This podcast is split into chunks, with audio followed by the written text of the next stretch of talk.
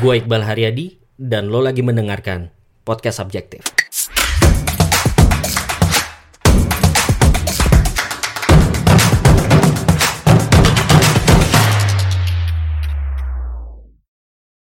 Dunia berubah dengan sangat cepat. Pertanyaannya, sudahkah lo siap beradaptasi?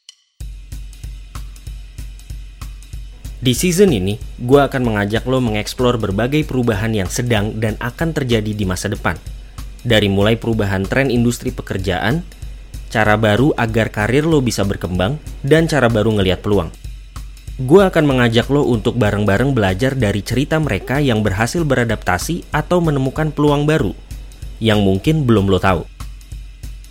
Di 10 episode pertama season ini, gue akan fokus membahas green jobs, tren jenis pekerjaan baru di dunia yang menguntungkan secara ekonomi dan berkontribusi pada pelestarian atau pemulihan lingkungan. Seri terbatas ini diproduksi podcast subjektif dan Coaction Indonesia, organisasi nirlaba yang fokus di isu energi terbarukan dan pembangunan berkelanjutan. 8 Januari 2021 gue sekarang sudah bersama teman gue bergabung dari Tangerang Selatan Erdi Pratama founder dan CEO Musim Panen boleh perkenalan singkat dulu Di silakan Siap ya terima kasih Pak Iqbal uh, perkenalkan nama gue Erdi Pratama uh, saat ini bergerak di bidang pertanian ya dengan nama perusahaannya Musim Panen Oke, boleh jelasin singkat dulu nggak di? Nanti kita gali lebih dalam, tapi dijelasin Siap. singkat dulu mm -hmm. apa yang dilakukan musim panen. Oke, musim panen ini uh, adalah perusahaan perdagangan ya bang pada intinya. Jadi, tapi apa yang kita dagangkan? Yang kita dagangkan adalah komoditas natural ingredient, bahasa kerennya. Bahasa Indonesia ya bahan alam, bahan-bahan alami. Apa itu bahan-bahan alami? Eh, bahan-bahan alami yang kita fokuskan adalah minyak atsiri dan rempah-rempah. Kalau rempah-rempah mungkin orang udah pada, pada banyak tahu ya. Tapi kalau minyak atsiri ini orang-orang lebih kenal dengan essential oil. Ya. Jadi kalau selama ini masih bingung minyak atsiri itu apa, minyak atsiri adalah essential oil.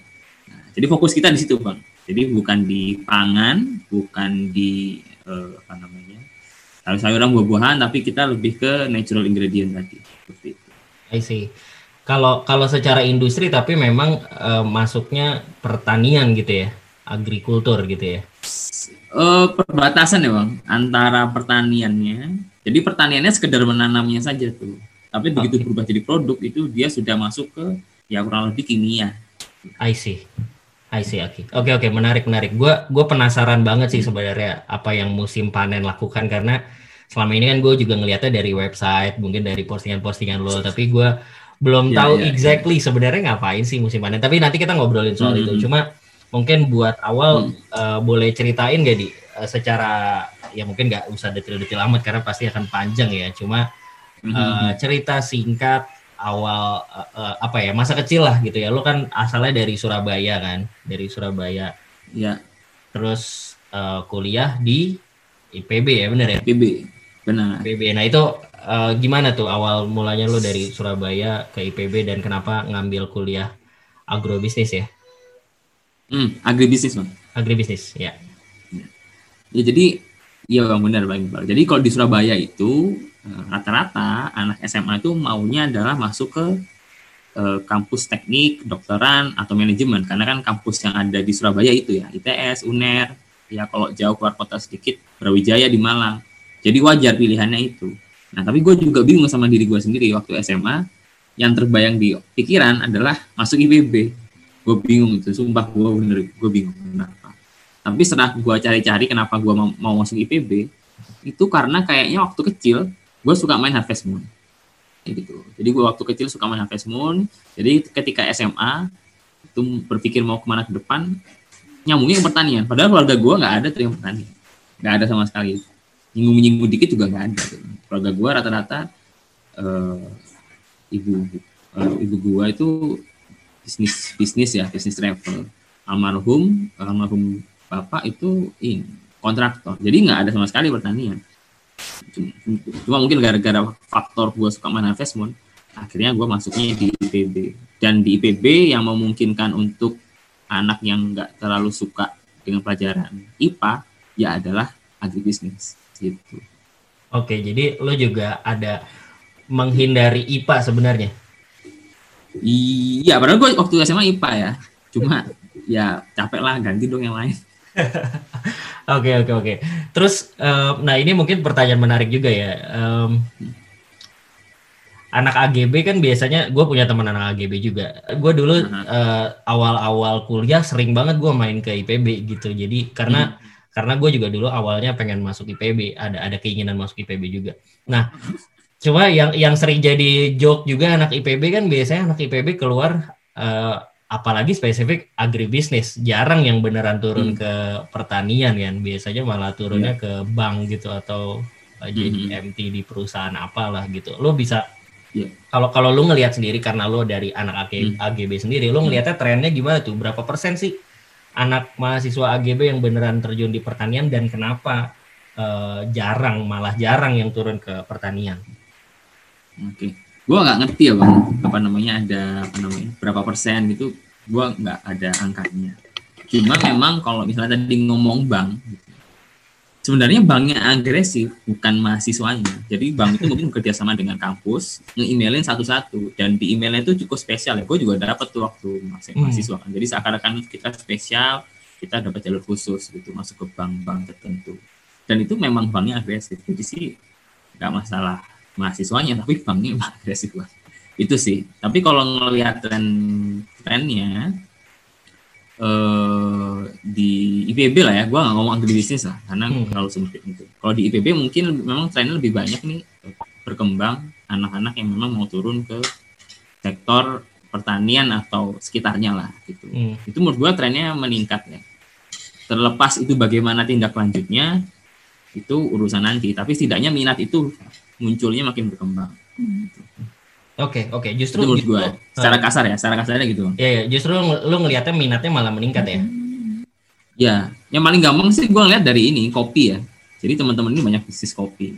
Oh, gitu kan, setelah lulus. Gitu kan. Dan menurut menurut kita kopi ini terlepas itu jadi kafe atau jadi produk akhir kurang lebih itu menyinggung pertanian kan karena ya meningkatkan nilai tambah kopi gitu. Make sense, make sense. Oke. Okay.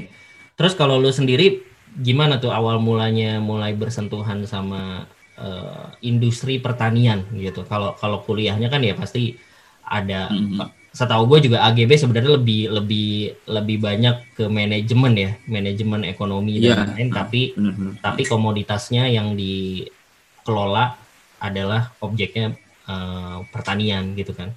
Tapi lu nya sendiri dari zaman kuliah mulai bersentuhan langsung dengan industri pertanian tuh kayak gimana? Itu waktu skripsi ya. Jadi waktu skripsi itu waktu skripsi gue memang bahasnya tentang essential oil minyak ciri tentang produk-produk turunan. Jadi nggak mau nggak mau di situ gue mungkin tidak bersentuhan langsung tapi gue sudah ngelis nih oh ternyata perusahaan-perusahaan di Indonesia yang bermain di sektor ini ini sudah ingredient, miaci, rempah-rempah tuh perusahaan-perusahaan ini. Jadi gue udah tahu tuh waktu skripsi kira-kira perusahaannya seperti ini. Dan itu memang perusahaan-perusahaan yang jarang kita dengar kalau memang kita nggak nggak ini apa namanya nggak terus ke dalam hmm. gitu. Karena itu memang yang nggak kelihatan lah gitu. Itu. Kalau bersentuhan langsungnya baru waktu gue sudah mulai usaha beneran.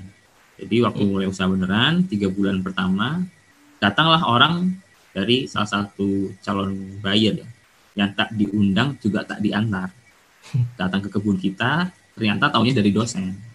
Itu sih pertama kali kita bersentuhan dengan industri industrinya ya. Oke okay, oke okay, oke. Okay. nah uh, sebelum sebelum lebih lanjut ya lu bisa kasih gambaran nggak? Oh iya iya. Kalau gua sih cukup tahu lah gitu ya uh, minyak atsiri essential oil hmm. dan lain-lain gitu. Uh, tapi boleh nggak kasih gambaran lebih umum ke pendengar gitu ya? Sebenarnya seberapa gede si uh, pangsa pasar atau demandnya si produk minyak atsiri ini gitu. Karena mungkin kalau orang kan pertanian pasti mikirnya oh yang pangan yang uh, buah-buahan sayur itu mungkin orang udah familiar ya gitu ya. Tapi kalau yang produk-produk seperti minyak atsiri atau rempah-rempah ini uh, mereka kayak gimana sih demandnya di di industri gitu ya? Terus biasanya uh, output produknya itu dijadikan apa gitu? Oke. Bisa bisa bang. Nah ini menarik nih bang jadi kalau misalnya nilainya ya, eh, yang paling gampang sih, gue ngelihat dari neraca ekspor impor ya. Neraca ekspor impor itu kalau nggak salah tahun lalu, kalau nggak salah nih, itu sekitar 5 T. Jadi minyak minyaknya asirinya saja, raw material minyak asiri itu yang masuk dan keluar Indonesia itu sekitar 5 T ya. Itu kayaknya angkanya masih kurang akurat, tapi kira-kira kasarnya seperti itu, mungkin lebih. Cuma mungkin gua kurang tahu aja. Yeah. Nah, itu itu gambarannya. Kemudian eh, ini ya terkait tadi pertanyaannya, ini sebenarnya minyak asiri itu apa, kemudian menjadi apa ya? Gitu. Karena kan kalau orang masyarakat lebih tahunya jadi aromaterapi hmm. ditetes-tetesin kecil-kecil jadi kalau secara prinsip minyak asiri adalah bahan kimia bang bahan kimia yang diolah oleh industri nah kalau kita belajar waktu SMP nih minyak bumi itu kan bisa dipisah-pisah nih bang ada premium pertama kan polimanasin hmm. kan nah sama minyak asiri juga seperti itu. Dia bisa dipanaskan lagi dipisah-pisah zat-zatnya diambil zat kimia tertentu dan zat inilah yang menjadi tidaknya dua dua produk tiga bahkan. Pertama perasa makanan pewangian dan terakhir farmasi. Itu paling dasarnya. Jadi seluruh produk yang kita pakai dari sabun sampo pasta gigi eh, makanan kemasan yang kita makan itu semua ada minyak asirinya cuma kita nggak tahu aja seberapa kecil atau zat apa paling gampang Coca-Cola deh Coca-Cola itu kandungannya ada minyak pala hmm. pala itu rempahnya Indonesia jadi Indonesia Belanda dulu menjajah kita ngambil pala itu ya sekarang ujung-ujungnya jadi Coca-Cola itu. Nggak nyangka kan?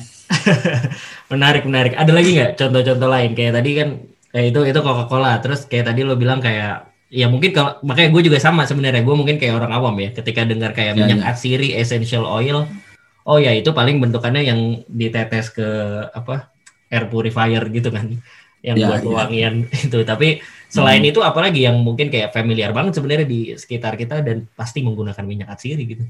Ini uh, paling familiar pasta gigi deh bang, pasta gigi nih. Hmm. Pasta gigi itu kan pasti kalau di mulut kita kan rasa min-min gitu ya. Iya. Yeah. Pedas-pedas itu kan dari tanaman min. Tanaman min diambil, uh, di, diproses, ya diambil minyaknya. Nah, itu yang dimasukin ke pasta gigi kita. Kemudian kalau kita mau yang lebih tua lagi, minyak ini kalau boleh sebut merek ya, minyak GPU itu hmm. itu kan untuk pijet nah itu ada kandungan citronella atau serai wangi dan kayu putih juga ada itu sebenarnya minyak aciri cuma orang ya nggak ngerti ya taunya essential yeah, oil yeah, setelah mulai muncul tren ini gitu. I see, I see, I see. Jadi sebenarnya produk ya basically sebenarnya dia karena dia bahan kimia dan semua produk di sekitar hmm. kita secara umum pasti menggunakan bahan kimia dan ada aromanya jadi pasti uh, mostly ada hubungannya dengan minyak asin. Berarti berarti emang segede itu ya si ininya demandnya. Segede itu. Oke oke oke. Nah balik lagi tadi pas lo mulai, jadi lo sendiri kalau yang gue tahu kan uh, lo tadi sempat mention lo mulai usaha gitu kan. Setelah kuliah hmm. itu lo langsung mulai usaha langsung atau uh, yang gue sempat lihat juga dan tahu juga lo kan uh, magang di iGrow juga ya. Ya. Itu, itu Jadi gua uh, waktu waktu kuliah gua uh, habis sambil skripsi ya, sambil skripsi habis itu gua magang di iCrew. Nah, hmm. di situ setelah dalam proses itu gue dapat ini tawaran dari foundernya lah. Hmm. Nah, dari beliau menawarkan, "Er, kamu mau nggak ngelanjutin apa namanya? skripsi kamu gitu kan." Lanjutin gimana, Pak maksudnya? Ya ini, apa namanya? Ini saya punya temen dia ada lahan di daerah Bogor yang belum terkelola. Coba kamu kelola tanamin tanaman atsiri gitu. Nah di situlah titiknya akhirnya gua mulai usaha musim panen ini. Itu itu pun sebenarnya kalau waktu itu apa namanya nggak ada tawaran itu gua akan daftar kerja. Gua akan daftar kerja di salah satu industri yang bermain di atsiri ya. Cuma ternyata dapat tawaran peluang itu, ya gua ambil. Apa yang bikin lo berani di uh, karena tadi kalau dari cerita lo kan sebelumnya lo juga belum pernah turun langsung ke lapangan kan? Mm-hmm. Atau ya belum pernah belum pernah menjalani industrinya secara belum, langsung belum. lah gitu, ya kan? Belum pernah, belum pernah. Apa yang bikin lo berani? Ini berarti kan lo langsung jalanin usaha, terus uh, apa namanya? Ya langsung ngelola lahan, terus mungkin mm-hmm. permodalan itu dari lo sendiri atau dari si yang nawarin ini ah, atau okay. gimana tuh? Kenapa lo berani ah. dan gimana ceritanya? Kalau Nah, namanya anak muda itu kan harus berani ya, bang. Karena nggak tahu resikonya. Jadi kalau ditanya kenapa berani, karena gue nggak tahu resikonya. Ya, itu menarik sih. Ini high, ini highlight bagus sih. highlight bagus Justru karena nggak tahu ya. Kayak gitu. Jadi kenapa berani anak muda ini? Karena gitu. Tapi kan udah terlanjur eh sorry sorry. Tapi kan udah terlanjur jalan ya. Ya udah jalanin aja. Gitu. terus terkait mau ter, terkait permodalan tidak dari gua. Karena si siapa? Si pemilik lahan pun bersedia memodali untuk melakukan produksi tadi dan penanaman. Jadi gua sama sekali nggak perlu modal sih jadi gua perlu pikiran aja. Oke. Okay. nah gua penasaran sebenarnya apa sih yang lo lakukan hmm. di situ? Kan uh, asumsi gue sih nggak mungkin lo yang nanemin satu-satu tanamannya gitu kan. Enggak, kayak, kayak gimana tuh? Proses apa yang lo lakukan dan apa yang uh, gimana sih daily activity lo sebagai pengelola lahan menjalankan si pertanian minyak atsiri itu kayak gimana? Biar teman-teman mungkin ada gambaran juga sebenarnya apa sih yang dikerjain kalau ngelola pertanian gitu. Oke. mungkin gue jelasin sedikit ya musim panen tadi. Jadi musim panen itu tadi gue sampaikan perusahaan perdagangan Cuma dalam beberapa kasus, kalau namanya dagang kan yang penting jual aja, jual beli kan. Lu beli ya. barang, lu jual. Cuma dalam beberapa kasus memang ada sumber-sumber produksi yang harus dikelola. Gitu kan. Dalam hal ini mungkin karena belum ada sumber belum ada sumber produksinya, atau mungkin ada risiko-risiko yang nggak bisa kalau kita nggak tangani. Nah itu akhirnya kita mau nggak mau melakukan yang namanya pengelolaan lahan. Itu baik itu kita kelola langsung atau bersama dengan petani. Yang kita lakukan di Bogor ini, yang lahan pertama itu adalah kita kelola sendiri. Nah, yang kita lakukan adalah waktu itu kondisinya lahan itu masih ini ya, apa ya, masih kayak hutan lah. Hmm. Sebenarnya sudah pernah ditanamin, tanamin macam-macam, ada durian, ada manggis, ada buah-buahan jambu. Cuma selalu di inilah diambil sama masyarakat, tidak tidak dijaga. Akhirnya yang namanya buah kan gampang ya, mau dimakan yeah. boleh, dijual juga bisa gitu kan. Nah, masalahnya itu Nah, salah satu faktor keuntungan menanam tanaman atsiri atau essential oil adalah yang diambil kan daunnya nih rata-rata kebanyakan. Orang mau ngambil apa dari daunnya? Nggak ada. Jadi anti pencurian kan. Hmm, Jadi karena harus diproses waktu, dulu ya. Harus diproses dulu baru ada nilainya. Pun kalau udah jadi minyak mau jual ke mana emang gitu. Iya iya iya. Oke oke. Nah akhirnya yang kita lakukan pertama waktu itu adalah secara umum ya kita membuka lahan bang. Kita membuka lahan ya kita nggak buka sendiri. Kita bersama petani masyarakat sekitar. Kita pekerjakan. Terus itu kita menanam. Nah kalau boleh cerita nih awal ta awal awal mulai gue mulai tahun 2018 awal lah. Hmm. itu selama enam bulan 8 bulan itu kita riset doang tuh jadi kita riset baga bagaimana cara menanam yang baik dan benar termasuk mengolahnya. Kayak gitu itu jadi namanya bisnis pertanian ya. Sebenarnya bisa aja tuh kita langsung produksi banyak tanam banyak beli bibit banyak. Tapi waktu itu si modal bilang nggak usah er. Kamu belajar dulu aja. Dan ya udah gue belajar tuh enam bulan. Gitu bang jadi prosesnya proses awalnya aja segitu. Dan mau nggak mau itu lu jadi belajar ya basically belajar biologi dan pertanian lah ya? Iya. Lebih tepatnya partner gue sih yang belajar. Oh ada yang partner belajar juga ya? teknik seperti itu. Ya, gue ya, terima ya. laporan Iya, iya, iya, iya, iya, ya. I see.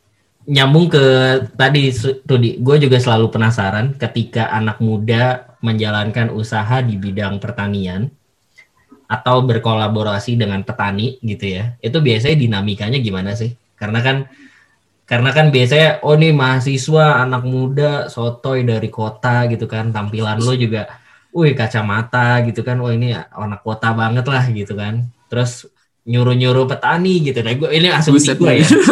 ini ya, asumsi ya, gue ya, asumsi gue. Nah, itu biasanya dinamikanya gimana sih kolaborasi sama petani itu? Iya, jadi uh, gue sih nggak ini ya, apa namanya waktu itu berusaha tidak memikirkan itu ya. Artinya terserah lu memikir apa si petaninya, yang penting lu mau kerja apa enggak. Kalau mau kerja gue bayar, kalau enggak ya nggak apa-apa. Jadi sebenarnya waktu berhubungan dengan petani, yang kita coba uh, apa namanya mindset di kita ya ya ini hubungan antara pemberi kerja dan pekerja saja gitu.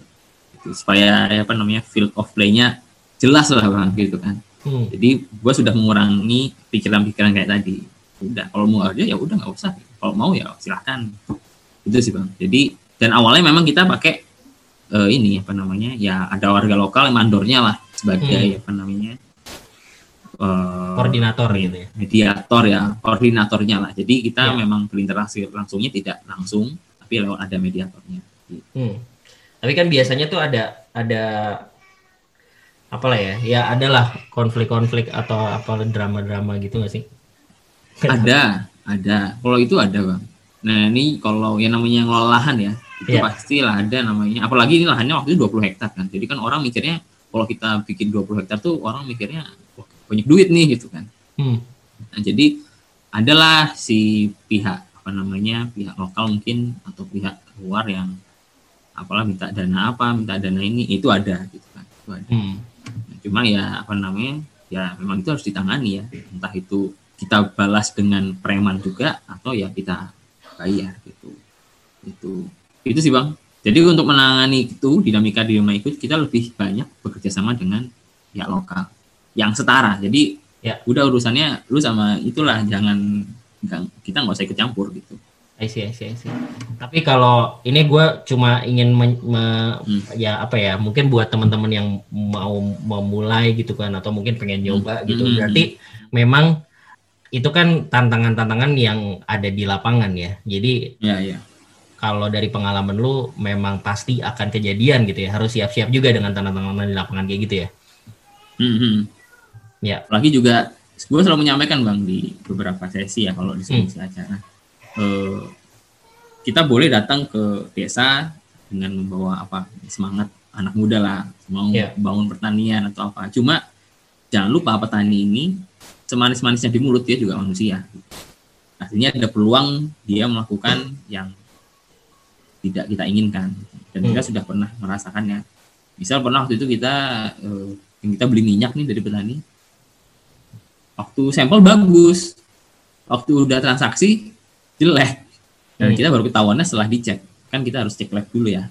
Iya iya iya iya. Waktu waktu gua tanya kenapa hasilnya beda sama sampel? Oh iya mas yang ini bukan dari kebun saya. Kenapa nggak bilang? Gitu. Iya, iya, itu ya, tuh ya. itu yang ya mungkin karena ini juga apa namanya uh, belum sepaham ya. Ya hmm. itulah tantangannya. Jujur kita harus menyamakan pikirannya oke okay, oke okay, oke. Okay. realita di lapangan seperti itulah ya kurang lebih. Jadi tantangannya cukup ini juga. Nah kalau gue pengen bahas soal yang kalau yang di musim panen yang gue baca gitu ya. Um, oke okay, komoditasnya adalah si minyak atsiri dan rempah-rempah. Hmm Terus di uh, musim panen lo mention juga soal uh, value chain nih, sustainable value chain. Nah itu um, boleh dijelasin nggak di apa apa sih yang berusaha dibikin beda dari caranya uh, musim panen menjalankan si uh, pertanian ini, mengelola komoditas pertanian ini dibandingkan dengan cara-cara yang mungkin uh, bahasanya konvensional lah gitu. Apa yang pengen dibikin lebih mm-hmm. baik gitu? Oke bang, jadi kalau dalam industri ini ya, di industri atsiri, essential oil, yang untuk kebutuhan uh, pabrikan, itu biasanya uh, pemain industri, pengolah, itu membeli dari tengkulak. Gitu. Kan. Yang di mana tidak tahu nih ini dari sumber dari mana aja, kan sumbernya bisa macam-macam, ada dari Jawa Barat, Jawa Barat, Jawa Barat mana, gitu kan. ada Sumatera, Sumatera, Sumatera mana. Nah kalau beli ke tengkulak, ya gue si si tengkulaknya juga nggak peduli mau dari mana yang penting lu beli kan nah, cuma kalau dengan musim panen si mitra kita mitra industri kita menyebutnya bayar bayar itu dapat mengetahui dari mana saja sumbernya dan bahkan di mana letaknya dan kita terbuka jadi kan tengkulak ini kan menjaga sumber dia takutnya kan si industri beli langsung nih ke hmm. sumber kan ya, ya, tapi ya, kalau ya. kita enggak kita uh, terbuka pak sumber kita dari sini sini sini yang memang sudah kita dedikasikan untuk supply ke pabrik bapak misalnya karena kenapa kita berani seperti itu? Gue gue juga yakin bahwa industri nggak ada kepikiran buat ngambil dari sumber, capek sendiri gitu kan. Karena mereka juga sibuk ngolah gitu. Kemudian tren yang berkembang karena ini uh, masukin ke nanti bisa ke produk-produk kosmetik, kemudian macam-macam. Ini salah satu tren berkembang adalah sustainability dan traceability. Artinya bahan yang digunakan kita harus tahu bersumber dari mana, siapa yang menanam dan di mana dan di mana ini penting bang karena setiap lokasi itu kualitasnya bisa berbeda hmm. gitu nah itu yang kita coba tawarkan ke calon-calon mitra kita yang apa yang membuat kita berbeda. Itu okay. sih bang kira-kira oke oke oke menarik tadi kata kunci yang sustainability ya karena memang kan banyak produk uh, terutama ya produk olahan gitu ya uh, industri hmm. yang emang benar sih tadi mau mengedepankan kata kunci sustainability mereka mau bisa bertanggung jawab gitu kan terhadap konsumen nih produknya gue ngambilnya dari mana nih gitu uh, dan mungkin banyak juga yang mengedepankan lokal dan lain-lain gitu ya uh, oke okay. Ya. Iya iya iya menarik menarik. Um, tapi kalau ini agak agak melipir dikit. Kalau tapi kalau mm -hmm. di minyak atsiri sendiri memang juga uh, apa namanya? Kalau dari dengar penjelasan lo tadi, apakah memang banyak tengkulak juga yang memang bermain di di komoditi ini atau gimana? Uh, banyak bang, pengepul pengepul lokal ya, pengepul lokal banyak karena kan rata-rata tanaman ini tanaman rakyat ya, yang di mana itu hmm. masuk ke beberapa pelosok daerah. Di situ memang diperlukan namanya peran-peran pengepul lokal. Nah, masalahnya ada berapa pengepul nih, berapa tangan gitu kan, dan hmm. kadang-kadang itu muter-muter aja sumber-sumbernya, akhirnya nggak jelas ini sebenarnya minyak dari mana, gitu. kualitasnya bagaimana, campur-campur. Nah itu yang coba kita uh, pelan-pelan perbaiki lah dan memberikan nilai yang berbeda dibanding uh, supplier lain. Oke, ini ngomongin agak general lagi dia, karena kan mm -hmm. sebenarnya kata mhm. kunci tengkulak ini berulang lah ketika mm. ketika ngomongin soal bisnis pertanian uh, di bisnis mana pun kayak selalu bilang kayak ya kita coba kita berusaha mm -hmm. ngekat nih supaya nggak banyak mm -hmm. tengkulak dan lain-lain gitu. Um, sebenarnya kalau kalau lu ngelihatnya sendiri ini in general ya tidak hanya yang dikelola sama musim panen, yeah. tapi kalau pertanian sendiri dengan adanya tengkulak sebenarnya gimana ya uh, versi ideal uh, value chain-nya produk pertanian tuh idealnya seperti apa? Dan apakah perlu ada apakah selama ini dikelola diatur juga sama pemerintah sehingga lebih fair baik buat petani hmm. sama buat konsumen dan lain-lain? Kayak gimana kalau lu ngelihatnya? Oke bang, jadi ada dua ya. Uh, pertama tadi terkait tengkulak. Menurut gua tengkulak itu perlu karena tengkulak ini kan pada intinya dia membawa barang dari satu lokasi ke lokasi lainnya gitu kan. Nah dan sebenarnya gua nggak ada namanya kontra dengan tengkulak cuma jangan banyak banyak aja gitu kan. Ntar cuma pindah uh, eh, RT tengkulaknya udah ganti kan. Nah gitu aja sih bang. Tengkulaknya hmm. jangan banyak banyak karena nanti ngaruh juga ke kita ke konsumen kan. Ujung-ujungnya kita juga yang kena gitu. Ya, jadi ya, tengkulak itu perlu karena dia memindahkan satu dari produk dari satu titik ke satu titik lainnya. Cuma nggak usah banyak banyak itu satu nah itu masalah efisien atau tidak efisiennya setiap komoditi berbeda hmm. gitu bang nah terkait tadi yang diatur pemerintah ya ada setahu gua nih ada beberapa yang diatur pemerintah diaturnya mungkin nggak tengkulaknya ya tapi harganya bang hmm. biasanya kan ada harga eceran tertinggi gitu kan harga di pasar sekian biasanya komoditas-komoditas pangan tuh oke okay. bawang-bawangan atau apa gitu kan nah itu kalau kalau sudah ditentukan harga kan mau nggak mau tengkulaknya ini entah berkurang atau nggak bisa ngambil margin banyak-banyak kan. Ya. Nah itu yang mungkin diatur pemerintah. Akhirnya kalau sudah harga pasar nggak terkontrol, masuklah impor tadi. Nah, itu salah satu juga mengontrol harga. Itu bang secara general sih seperti itu. Oke oke oke. Kalau sekarang di dengan adanya pandemi ada dua nih ya secara umum mm -hmm. ya lo sebagai pelaku industri gitu ya uh, yang hmm. menjalankan bisnis di bidang pertanian sama uh, minyak atsirinya sendiri dengan adanya hmm. pandemi ada pengaruh nggak? Nah turun atau stabil atau bahkan naik? Oke, pertanian tadi ya, pertanian ya. Pertanian seharusnya setahu gua itu tidak ada dampak yang ini ya, uh, yang cukup berarti dalam arti ini maksudnya ya orang tetap makan bedanya makannya nggak di restoran jadi mungkin petani-petani atau supplier-supplier yang supply ke horeca, hotel, restoran, dan lain-lain, itu mungkin kena dampaknya. Tapi kalau yang supply ke pasar, harusnya sih nggak kena dampak yang terlalu signifikan. Tapi memang kesulitan tuh bang, gue denger tuh waktu awal-awal pandemi itu, gara-gara PSBB ya, kesulitan tuh transport tuh, sayur dari satu titik ke titik lainnya itu kesulitan transport. Gue juga waktu itu ngangkut minyak aja dari Bogor ke Depok kesulitan, karena ada aturan hmm. itu.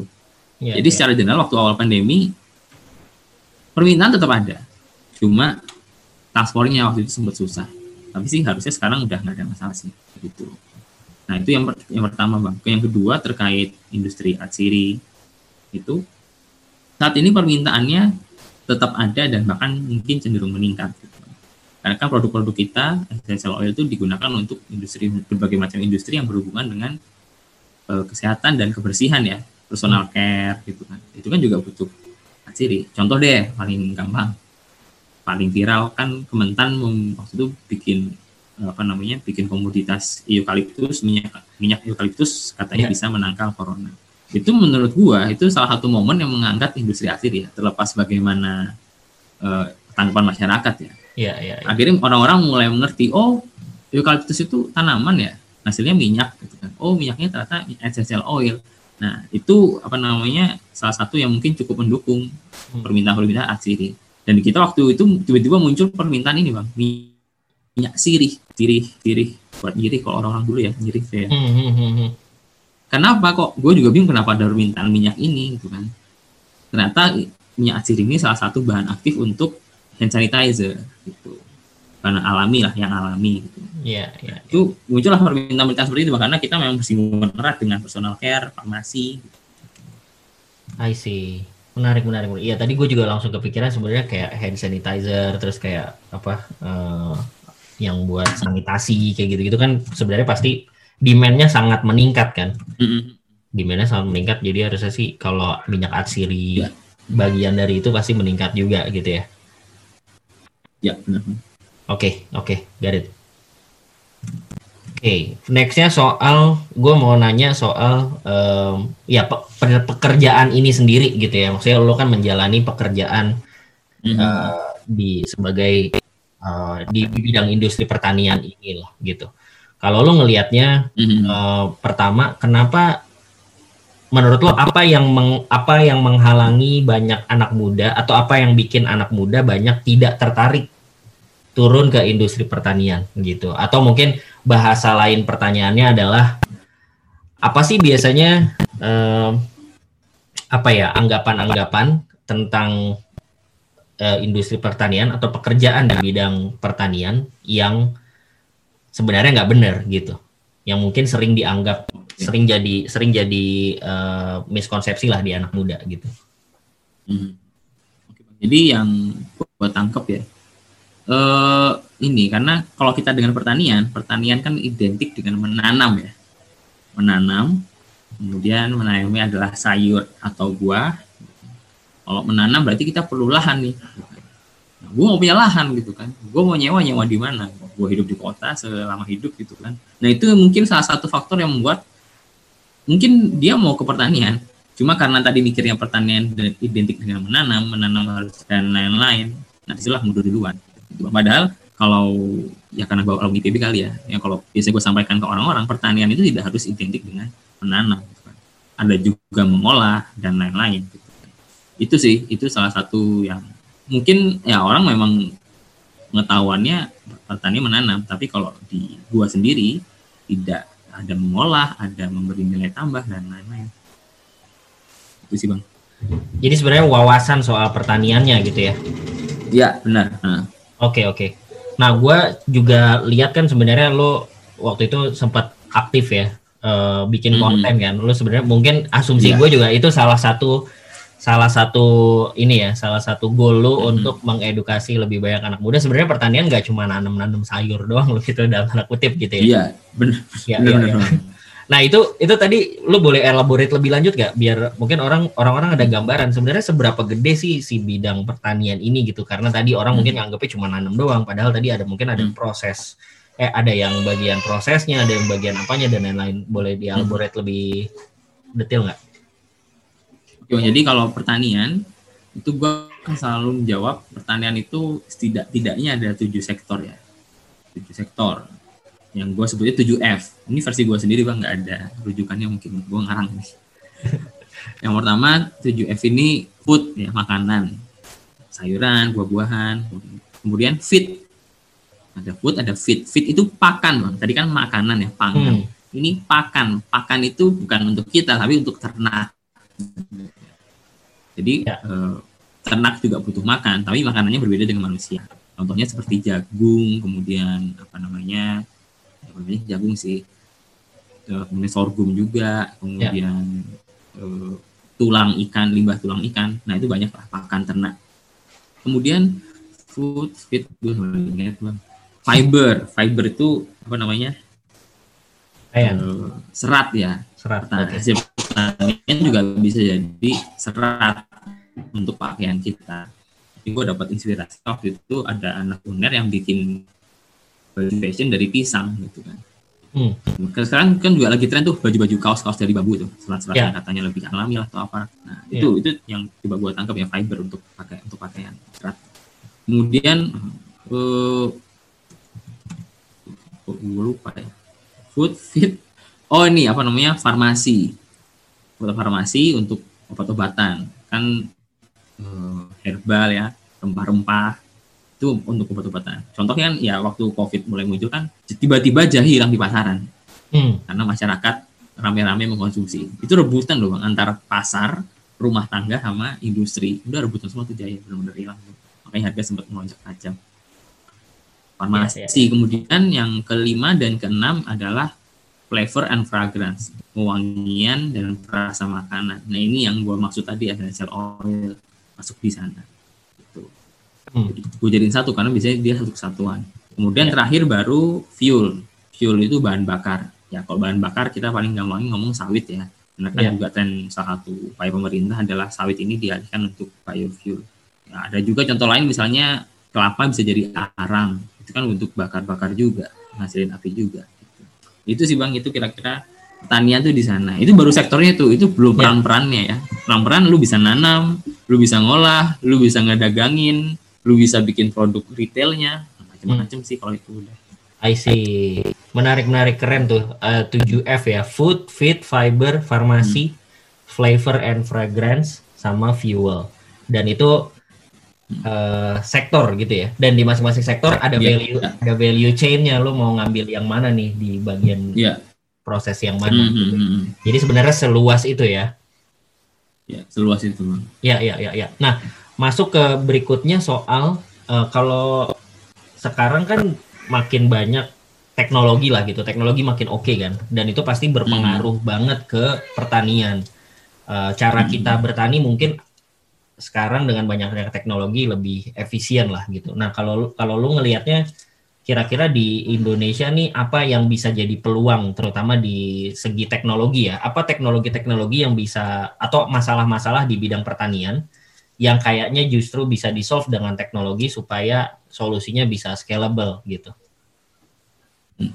Jadi kalau menurut gue nih yang paling mendasar ya permasalahannya adalah uh, bagaimana teknologi untuk uh, ini irigasi itu sangat penting karena irigasi ini kan terutama untuk tanaman pangan mungkin kalau ada irigasi terlepas ada hujan ataupun tidak ya petani bisa menanam gitu Hmm. Nah, sejauh ini menurut gue teknologi yang sangat penting adalah itu.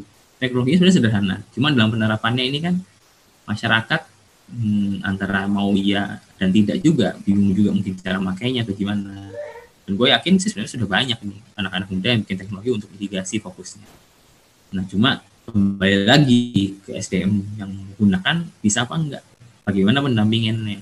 Gitu. Jadi hmm. yang paling vital satu irigasi gitu. Karena terlepas dari tanaman apa pun, terutama pangan ya, itu butuh air. Kita di ACD juga butuh air di bulan musim hujan. Itu satu. Yang kedua adalah yang cukup cukup eh, penting adalah teknologi pengembangan bibit unggul.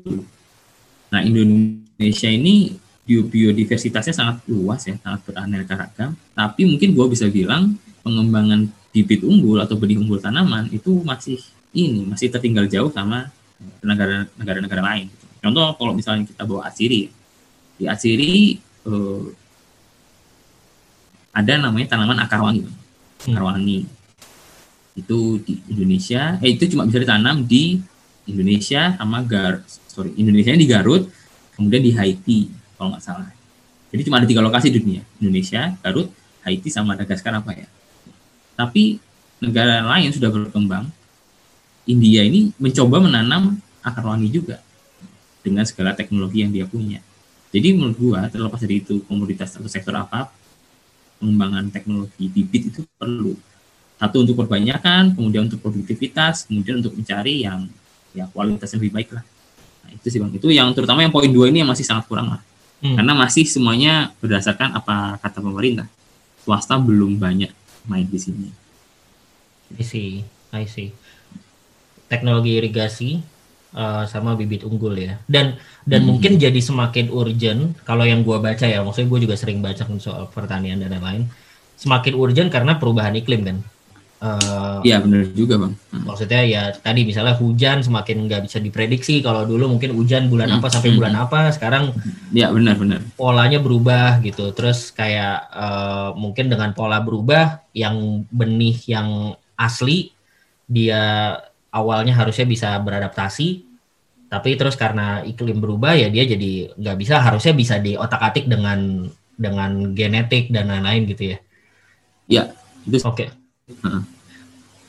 Uh, ini gue juga penasaran ya. Eh, kalau uh, kalau soal uh, kalau di luar, gue sering salah satu yang sering gua, video yang gue sering gue tontonin adalah video-video uh, urban farming gitu, uh, indoor, mm-hmm. vertical farming mm-hmm. dan lain-lain. Dan itu kan kayaknya mm-hmm. sangat very high tech gitu ya.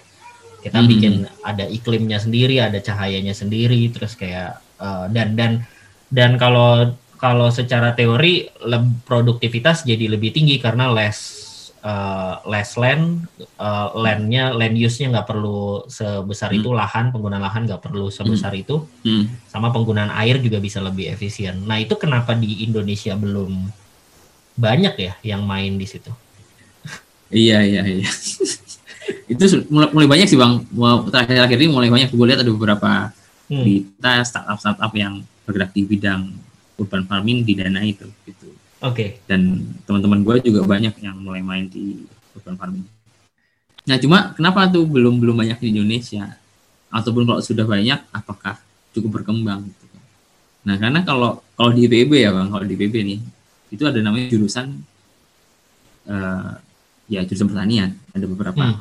prodi lah gitu kan. Yeah. Nah ada beberapa teman yang berpendapat Indonesia itu masih punya tanah hidroponik itu buat yang nggak punya tanah. Gitu kan. Selama kita masih punya tanah, kita nanam di tanah dong.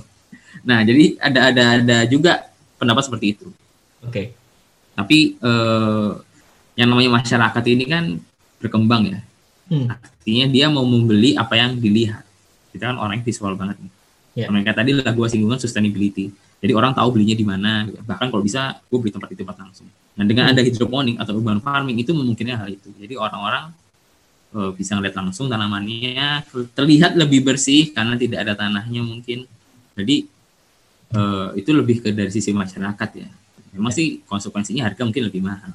Tapi tadi bang selama masih ada tanah kemungkinan besar hidroponik atau urban farming berkembangnya uh, tidak secepat mungkin di negara-negara yang kekurangan tanah. Sih, ya ya. Faktor urgensinya mungkin jadi nggak nggak setinggi negara-negara itu gitu ya? Iya, kira-kira gitu. Ya nis lah, masalah masih nis. Iya ya, plus plus investmentnya tinggi juga kan? Plus investmentnya tinggi. Ya, ya, ya, ya. Oke. Ini udah menjelang menjelang akhir di soal pekerjaan ini ya. Um, mm-hmm. Lo bisa kasih gambaran nggak sebenarnya seberapa menguntungkan ya si kalau orang bekerja di bidang ini karena jadi apa kan kita lagi bahas tentang green jobs dan definisi green hmm. jobs itu kan sebenarnya secara umum dia tuh dua lah dua faktor gitu satu dia pekerjaan yang layak gitu uh, artinya memberikan memberikan insentif yang sebenarnya sama dengan pekerjaan-pekerjaan lain gitu atau kompetitif lah gitu. Mm -hmm. Yang kedua dia berkontribusi pada pemulihan atau uh, pelestarian lingkungan. Nah kalau yang poin kedua mm -hmm. kan pertanian hampir pasti gitu. Pastilah berkontribusi pada pemelihara apa pemulihan dan pelestarian lingkungan gitu. Kalau dijalankan hmm. dengan dengan dengan benar gitu. Nah tapi kalau yang pertama mungkin gue asumsikan juga banyak orang yang ragu gitu. Kalau gue bekerja di bidang pertanian emang ada duitnya gitu. Kalau ada duitnya apakah uh, eh, gue hmm. bisa mencapai uh, kesejahteraan yang sama dibandingkan dengan ya misalnya gue kerja di bank gitu misalnya Mm-hmm. Oke bang, ini yang berdasarkan pengalaman ya, yang gue tangkap dari orang-orang yang kalau gue sih bergeraknya di bidang pertanian doang nih, jadi gue nggak ada pembanding nih. Iya. Yeah. Tapi kalau gue bertemu dengan beberapa orang yang dari awalnya bukan petani, kemudian menjadi petani. Karena gini bang, paling gampang, dan rata-rata itu orang tua. Karena yang paling gampang kan, misalnya ditanya nih orang kerja nih, kantoran. Ntar kalau udah pensiun mau jadi apa? Bapak ya hmm. saya akan berkebun. Nah, iya. rata-rata kan banyak kan yeah. ke arah sana. Nah, jadi waktu gua kuliah atau waktu SMA gua cuma dengar apa namanya ininya doang apa namanya apa namanya sih istilahnya katanya seperti itu hmm. dan kenyataannya gue saat ini bertemu dengan orang-orang itu yang awalnya dia kerja pensiunan mungkin atau bagaimana kemudian akhirnya terjun ke dunia pertanian dan kita kan punya beberapa mitra ya bang yeah. dan mitra kita itu secara umum banyak kan adalah orang-orang yang awalnya kerja kemudian ingin jadi petani ada yang nelfon gue mas Ardi ini saya uh, mau pensiun nih mau bertani gitu kan itu banyak loh hampir hmm. tiap bulan tuh ada gitu. kemarin hmm. Hmm. minggu lalu gue ketemu orang TNI bahkan TNI berkebun ayo mas ke lahan saya saya mau namanya ngeliat ajak mas ngeliat kira-kira ini apa yang bisa dikembangkan mas bisa nggak tanaman aksiri gitu itu banyak banget jadi yang gue tangkap adalah pertanian itu kalau dijalankan dengan benar itu bisa menghasilkan keuntungan yang cukup signifikan lah karena ini bukan bukan apa kata gua tapi kata-kata orang pensiunan gitu kan. Di mana yeah, yeah. membandingnya adalah dengan gaji mereka misalnya. Kayak gitu yang mungkin sudah mungkin level tinggi ya. Hmm. itu sih bang. Itu itu kenyataannya seperti itu. Ya ya ya ya ya good good analogy good analogy hmm. gua gua juga karena karena lu bilang kayak pensiunan gitu-gitu ya gua juga di Jakarta kan gua apa uh, ngontrak rumah ya dan mm-hmm. yang punya itu uh, ini apa namanya ya inilah ya ada di instansi lah gitu bekerja di instansi dan emang dia juga gue sering ngobrol sama dia ya dia bilang ya kalau saya lagi nggak ada di sini saya itu lagi di Jogja lagi di mana lagi ngeliatin lahan punya saya gitu yang ditanami ini itu dan segala macam jadi make sense banget make sense banget. Jadi itu uh-huh. menunjukkan sebenarnya ya ini sebuah industri atau pekerjaan yang juga sangat bisa memberikan penghasilan yang layak ya gitu. Bahkan menguntungkan hmm. gitu. Oke terakhir di uh, sebelum ditutup apa yang menurut lo penting diketahui atau apa yang pengen lo sampaikan buat teman-teman yang mungkin tertarik untuk bekerja di bidang pertanian? Oke di uh, teman-teman buat teman-teman yang ingin bekerja di pertanian tadi kan kita sudah nyinggung mungkin terkait keuntungan ini ya materi lah ya tapi memang kalau bekerja di kalau jadi green jobs itu keuntungannya menurut gua lebih dari itu selain material itu juga kita akan banyak bersinggungan dengan masyarakat bersinggungan dengan masyarakat ini yang membuat kita diri kita ini berkembang ya. karena ada aja lah dinamikanya ngadepin orang macam-macam ya.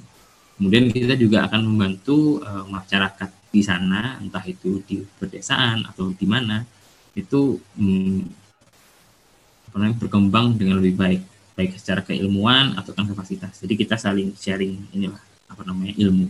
Itu sih menurut gua salah satu ya kalau dihitung material sih yang gua dapatkan mungkin lebih tinggi keuntungan non material tadi bang dibanding keuntungan material. Karena itu pembelajaran untuk diri kita tuh lebih ini ya cukup besar lah bagi untuk mengembang diri kita karena kita ketemu dengan orang macam-macam dengan berbagai karakteristik dan daerah itu menurut gue menarik dan wajib anak muda buat mencoba ekspor ke sana gitu.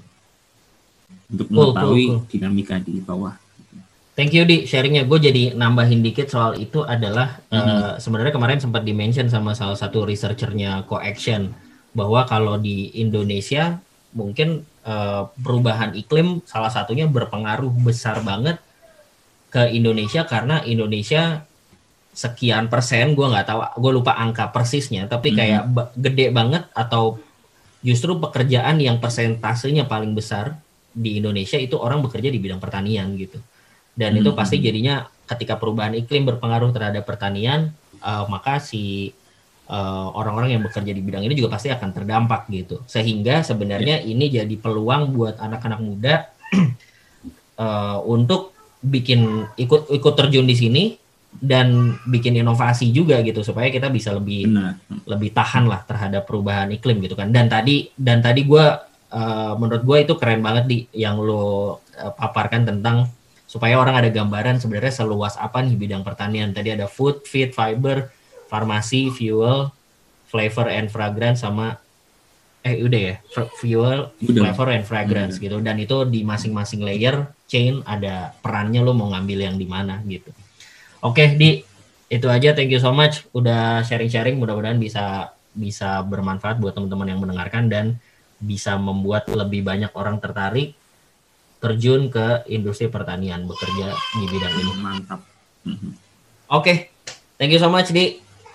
Sampai Sip, ketemu lagi. Please be subjective.